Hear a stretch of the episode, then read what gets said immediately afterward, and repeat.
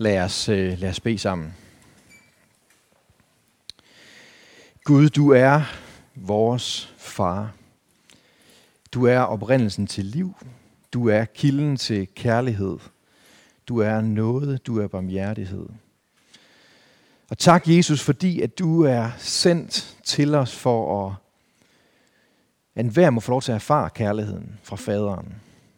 Og Helligånd, tak fordi at du søger os, at du kalder på os, at du prikker til os. Og du bliver ved, og du er tålmodig, fordi du ønsker at udgyde den her kærlighed i vores liv, igennem vores liv til hinanden. Og Gud giver os, øh, giv os ører, der kan høre dig. Giv os liv, der kan tage imod den her nåde og den her kærlighed. Den her velsignelse fra dig. Og Gud, må vi være villige til at tage imod det og følge dig. Og lad os forme, lad os lede, lad os forvandle af din kærlighed. Amen. På, øh, på sådan en dag som den her, hvor vi har velsignet Hanna, så tænkte jeg, at det måske var på sin plads, at vi øh, brugte anledning til at tale omkring temaet velsignelse. Jeg tror faktisk aldrig, at, øh, at jeg har prædiket om det sådan direkte her. Og jeg tror egentlig, det er et vigtigt emne. Det er et vigtigt tema. Det er, det er et bånd, der snor sig hele vejen igennem skriften. Og det er det, som Gud vil gøre. Det er det, som Gud er i gang med. Det er det, som Gud handler om. Det er, at han ønsker at velsigne os. Og ordet velsignelse på dansk, det, det rummer på ingen måde den mangfoldighed og den, den rigdom, som begrebet velsignelse indeholder. Velsignelse, det, betyder vel egentlig, at vi taler vel. Vi siger noget vel om andre. Og det er jo heller ikke løgn, kan man sige. Det er jo det, vi gør med vores ord. Vi siger nogle gode ting om dem, vi velsigner. Men der ligger meget, meget mere i det. Velsignelse det er noget af det allerførste, vi møder i, i Bibelen. Hvor Gud han skaber alting, og han, der står, at han ser, at det var godt, det han skabte. Og han skabte mennesket, og der står, at han så, at det var godt, og så velsignede han det, og sagde, bliv mangfoldige, Jonas og Anne.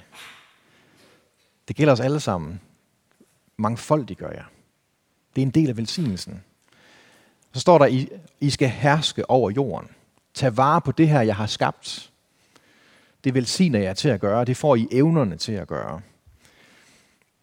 Den bemyndigelse får I.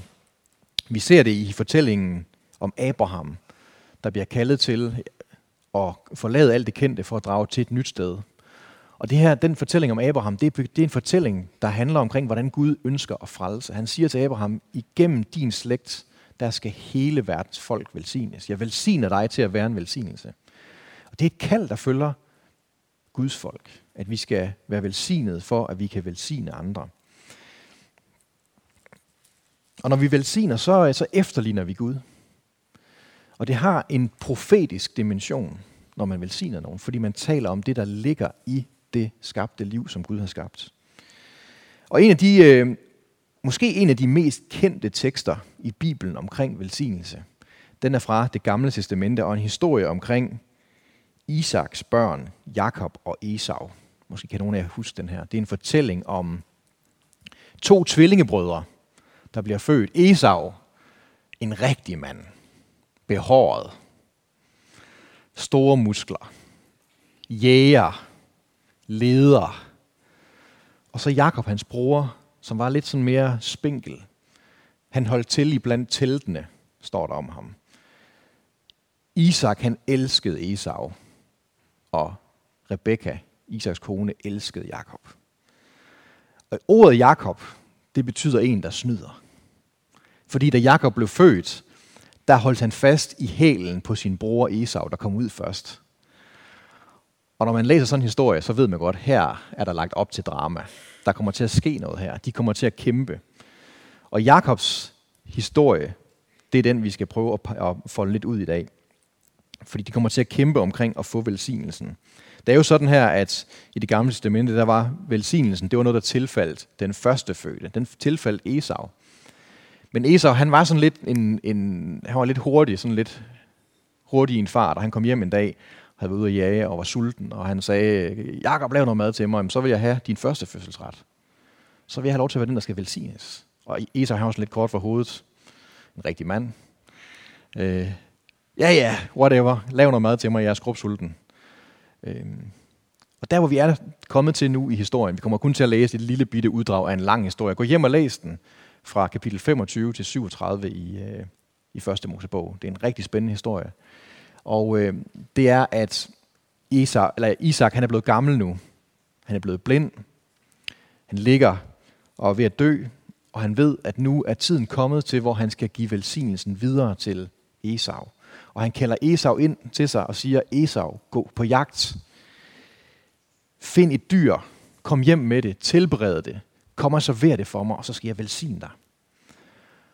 Og det der, det hører Rebekka, Isaks kone.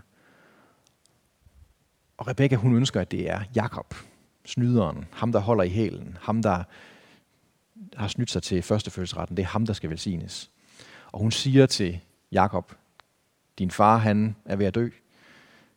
Tilbered ham noget mad, gå ind til ham. Klæd dig ud som Esau. Tag skin på armene, så han kan mærke, at der er hår på kroppen, og blive velsignet af ham. Og det er den historie, vi skal læse sammen. Og øh, skal vi ikke rejse os op og øh, læse teksten højt sammen? Og den ser lidt, den ser lidt sjov ud. Der er to slides med, med tekst, og det er kun nogle korte uddrag af en lang historie. Jakob gik ind til sin far og sagde, Far, han sagde, ja, hvem er du, min søn? Jakob svarede sin far, jeg er Esau, din førstefødte. Jeg har gjort, som du sagde til mig.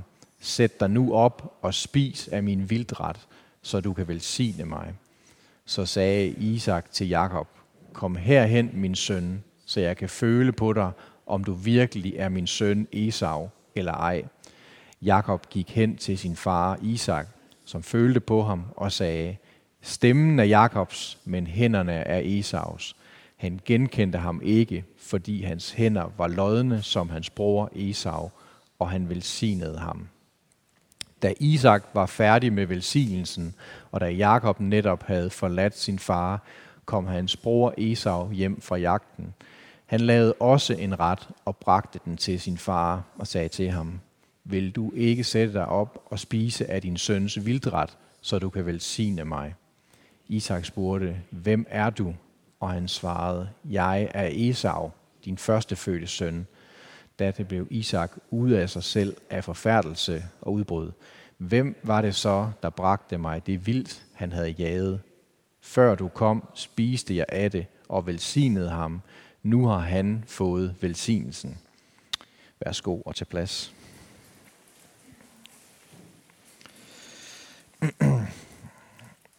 Efterfølgende så går Esau helt i spåner, skriger højt og er dybt, dybt fortvivlet og siger til sin far, jamen far, har du ikke også en velsignelse til mig? Fordi Esau forstår godt, at nu har hans bror Jakob fået noget, som han ikke kan få tilbage. Noget, som er givet, som ikke bliver taget tilbage. Og vi tænker nogle gange, jamen kunne han ikke bare have sagt det? Altså hvis det bare er det velmenende ord, kunne han så ikke bare sige nogle nye over den anden søn? Men sådan er det ikke, fordi sådan er velsignelse ikke. Det er noget, Gud giver, og det er noget, han aldrig tager tilbage igen. Det er noget, han giver. Og den her historie, den tror jeg på en eller anden måde, den understreger, hvor vigtig og hvor alvorlig velsignelse egentlig er. Fordi det ikke kun er velmenende ord, det er ikke kun gode ønsker, vi kan have. Det er noget, der får to brødre til at kæmpe mod hinanden. Esau han bliver så vred på sin bror, at Jakob han bliver jaget væk. Jakob er nødt til at flygte. Og det, der er interessant for Jakob, det er, det, der egentlig er interessant for hele den her historie her, det er, at den historie her fortæller noget omkring, hvordan Gud han egentlig er.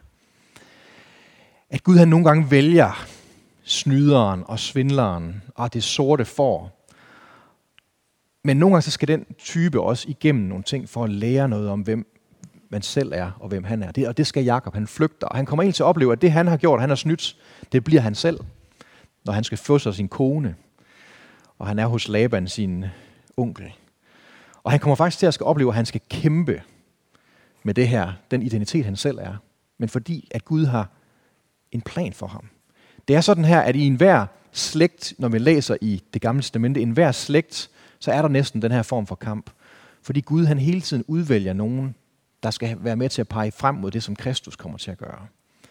Og det er som regel altid, Gud har som altid et særligt øje til dem, som, er, som mangler noget. Dem, som er svage, dem, som er udsatte. Hanna, som vi har velsignet i dag, hendes fortælling, den er fra Samuels bog. Og Hanna, hun var en kvinde, der ikke kunne få børn. Men Gud velsignede hende, så hun kunne få børn. Og ud af den slægt, som Hanna hun var, der kom der en slægt af profeter, der kom til at velsigne de konger, der kom i Israel, som bliver en del af Guds frelsesplan. Og Gud han har simpelthen en svaghed for sådan nogen som dig og mig, der helst vil snyde sig til det, der helst vil skære hjørner af, som ikke nødvendigvis er udvalgte. Og det er det, den her fortælling den handler om. Vi kan sidde og tænke, det der her det er totalt urimeligt, at Jakob han får en velsignelse, når han er på den der måde der. Men det er derfor, man skal læse hele historien og forstå, at der var også en grund til, at Esau han mistede det. Der var en grund til, at Jakob han blev udvalgt, og det kan I selv læse. Det er en helt anden prædiken. Det kan I selv gå hjem og læse. Men det her, det, det her med velsignelse, det er enormt vigtigt. Det er enormt alvorligt. Det er noget, som får dem til at kæmpe mod hinanden. Og det er fordi, der på et niveau i den her velsignelse, den her historie, vi har, vi har hørt, der er der noget omkring at arve, og være den første født, og have retten til at lede slægten videre. Og det er jo derfor, at Isak han elskede Esau, fordi han var den stærke. Han var den fødte leder. Han var den, som kunne jage og sørge for, at der var mad, og sørge for, at, at, at folket var beskyttet osv. Men Gud så noget andet i Jakob. Og Jakob, det er ham, der bliver til, han får et nyt navn, han kommer til at hedde Israel. Det er ham, der bliver far til de 12 stammer, som bliver fortælling om, hvordan Israel bliver til. Ikke?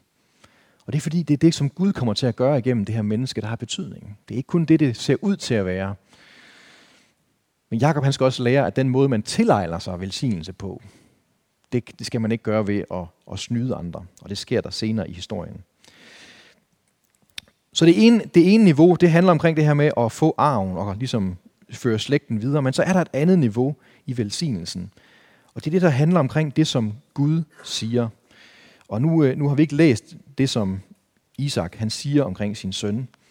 Men det kommer til at handle omkring noget, der ligger dybt inde i Jakob. Noget, som han er bestemt til at være.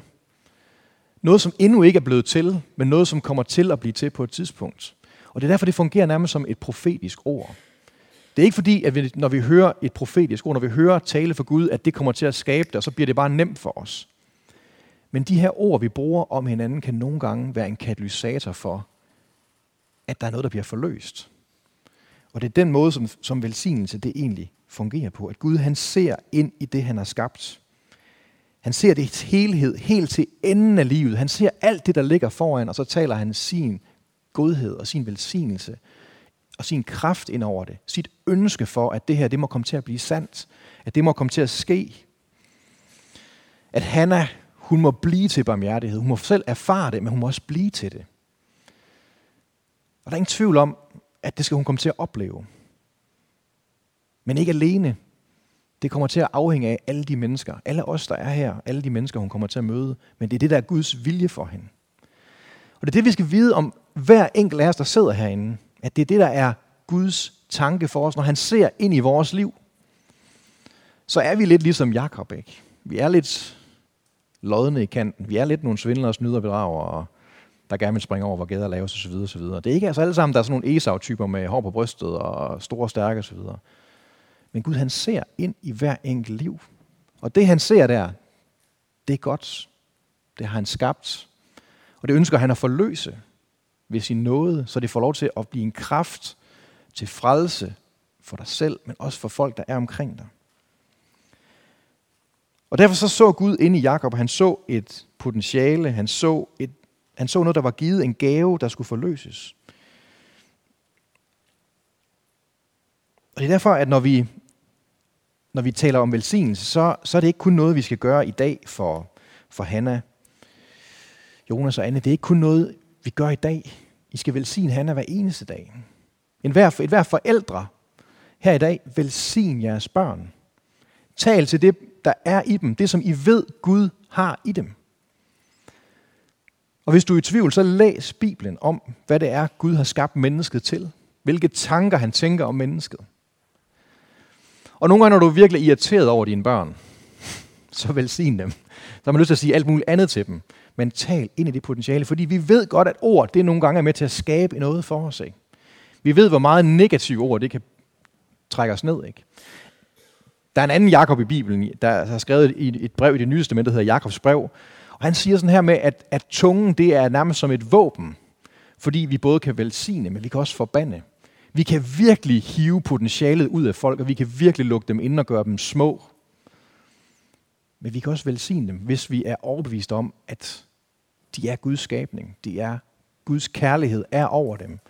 Guds vilje er for dem, at de må lykkes, at de må nå langt, at de må modnes, at de må vokse, at de må virke, at de må lykkes. Og det kan vi være med til, at det kommer til at ske med den måde, vi taler om dem på. Det vi beder, den måde, vi hæpper på dem.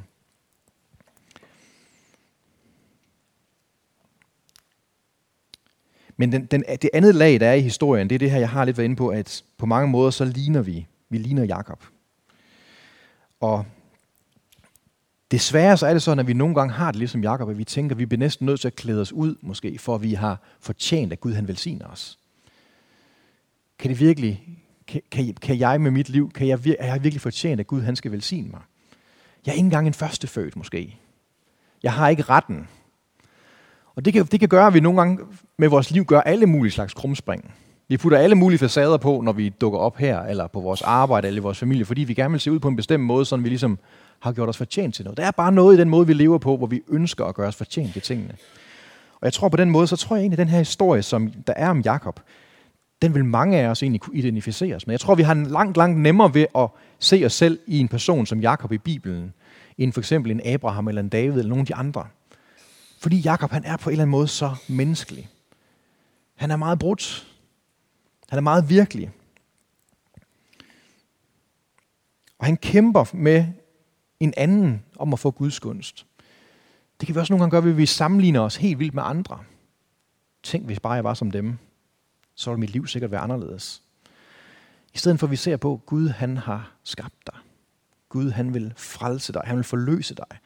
Og han ser dybt, dybt ind i dig. Han ser, hvad det er, han har, han har gjort klar, som ligger foran dig, du kan vandre i, som du kan få lov til at virke med. Og det, der sker med Jakob, det er, at efter han er flygtet fra, fra Esau, så sker der en masse ting i historien, og han ender faktisk sit liv med at få et møde med Gud, hvor han kommer til at kæmpe mod Gud. Der er en nat, hvor han er på vej, efter han har været borte i mange år, og han skal vende tilbage igen og forenes med sin bror igen og møde ham igen for første gang. Han har fået sin egen familie, han har fået sin egen slægt. Og så står der en nat, lige før de skal møde Esau lige før han skal gense sin familie, så dukker Gud op, står der. Og han kæmper med ham hele natten. Og de kan ikke, han vil ikke overgive sig. Det sidste får han et slag på sin hofte. Og han bliver ved med, ligesom om han, der, ligesom der står i historien, at han, han klamrer sig til ham her, han har mødt. Og han siger til ham, jeg slipper dig ikke før du velsigner mig. Og der er simpelthen sket noget med Jakob i den her fortælling, fra at han har konkurreret, og han har kæmpet med sin bror om at få velsignelsen. Nu ved han godt, at der er kun et sted, hvor han kan få den fra. Det er ved at være ved Gud. Og det er ham, han skal klamre sig til for at få velsignelsen. Og det er en interessant forvandling af et menneske. En, en interessant modning af et menneske, der lige pludselig blevet til noget helt andet. Og selvfølgelig ender historien med, at han forenes med sin bror, og der sker en masse andet med Jakob. Det kan I selv læse om. Men det her, det fører os til de gode nyheder. Fordi selvom vi har en adfærd ligesom Jakob, at vi nogle gange kæmper for at blive velsignet, eller tror, at vi skal gøre os fortjent til det, så behøves vi ikke at klæde os ud. Vi, forsøger, vi har ikke brug for at forsøge at være en anden og snyde os foran, eller, sny, eller hvad nu vi gør for at få det, som vi længes efter. Eller det her med, at vi tænker om os selv, vi er slet ikke værdige til at blive velsignet af Gud. Når vi læser den her historie, så forstår vi, hvor afgørende velsignelse det er. Der er virkelig noget på spil, når vi velsigner. Der er virkelig noget på spil, når Gud velsigner os. Men vi har ikke brug for længere at kæmpe med den første fødte. Der er ikke længere en foran i køen for os, fordi det, der er sket i Kristus, det er, at han er den første fødte. Han er den enborne søn, som er blevet givet, fordi Gud han elskede verden. Og når vi er i Kristus, så er vi ligesom den første fødte. Alle dem, der er her i Betel, der er døbte, vi er et med Kristus. Vi er den første fødte. Og det, der bliver sagt over Kristus, da han bliver døbt, der siger Gud fra himlen og siger, det her er min søn, den elskede, som har mit velbehag. Det bliver sagt om enhver, som er i Kristus. Du er min elskede. Du er hver min velsignelse. Jeg ser ind i dig, siger Gud. Og jeg ser alt det, jeg har skabt, og jeg ser det godt, og jeg vil det. Jeg vil, du skal se det. Jeg ved, du skal forstå det. Jeg vil, folk omkring dig skal forstå det og se det. Jeg vil, at I skal velsigne hinanden og se det, som jeg har gjort i jer, så det kan blive sat fri. Så min frelse kan få lov til at virke i jer og igennem jer. Imellem jer. Ud fra jer. Paulus han siger sådan her, lovet være Gud, vor Herre Jesu Kristi Fader, som i Kristus har velsignet os med al himlens åndelige velsignelse. Det siger han i indledningen til Efeserbrevet. Og det her brev her, der bruger han, det bruger han på at pakke op, fordi at de skal forstå, Efeserne, at der, de har også fået arven. Den her arv, den skal I pakke ud, siger han. I skal forstå, hvilken kraft der er i den. I skal forstå, hvad det er, I har fået mellem hænderne, fordi I har fået Kristus. Fordi I nu er sammen med den opstandende. Han er i jer. I har fået barnekår. Det er sådan en af de billeder, der bliver brugt igennem hele skriften, at Gud, er, han kalder sig en familie af mennesker, der kender ham. I det gamle testamente, i det nye testamente. Jesus han lærer sine disciple, at I skal bede sådan her, Abba far. Det er ligesom at sige farmand. Det er den her relation, I skal have med Gud, fordi I er Guds børn. Og det, som Jesus han gør for os, det er, at han bliver, man kunne kalde det, en stedfortræder. Han træder i vores sted. Det, som vi ikke var i stand til at gøre, det har han gjort muligt for os. Så vi bliver adopteret ind i Guds familie. At når vi er i Kristus, så er vi Guds barn.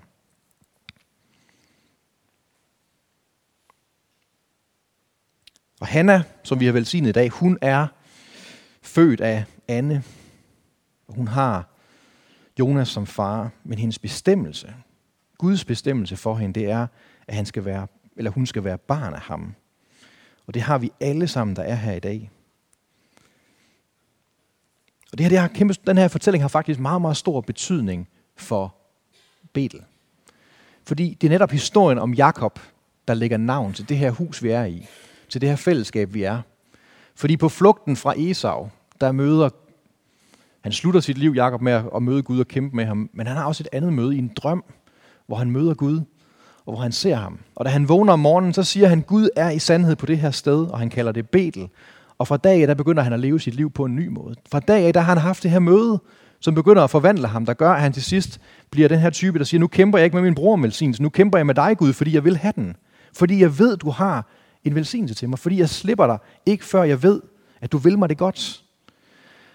Og det er jo det håb, jeg har for Hanna. Ikke? Det er jo, at hun på et tidspunkt, når hun vokser op i det her fællesskab sammen med os, så må, hun, så må der komme en dag, hvor hun erfarer, Gud er på det her sted. Jeg vidste det måske ikke helt. Mine forældre havde måske fortalt om men nu ved jeg det. Nu kommer det til at betyde noget for mit liv. Og den dag, så vil vi jo glæde os til at døbe hende. Men det er jo sådan et sted, som Betel er. Et sted, hvor mennesker må få lov til at opleve, at Gud han er her. Han vil dig. Han ser dig. Han velsigner dig. Og må Betel blive sådan et sted, hvor vi hjælper mennesker til at kæmpe med Gud og sige, Gud velsign mig. Lad det, som du har skabt mig til at være, blive sandt. Må det blive forløst. Og må vi være sådan et folk, må vi være sådan et fællesskab, der ved det. Prøv at forestille dig, hvad det vil betyde for dit liv, for din families liv, hvis det, som Gud han ser i dig, det bliver forløst. Og det her det er sådan et sted, hvor det rent faktisk kan finde sted, fordi vi ved, hvem Gud er. Vi ved, at han vil velsigne os. Amen. Lad os, øh, lad os bede sammen.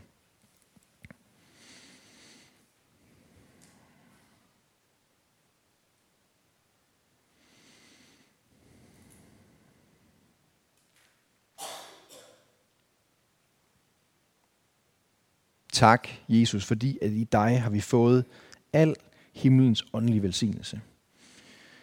At vi igennem dit liv og din død, din opstandelse, har fået adgang til faderen. At der ikke længere er noget, der adskiller os. At der ikke længere er brug for nogen mellemmand. Men du er mellemmand, du er den første fødte, og når vi er i dig, Jesus, så er vi som første fødte for Gud. Så har vi krav på arven, på den åndelige velsignelse, på fællesskabet, på nærværet, på nåden, barmhjertigheden.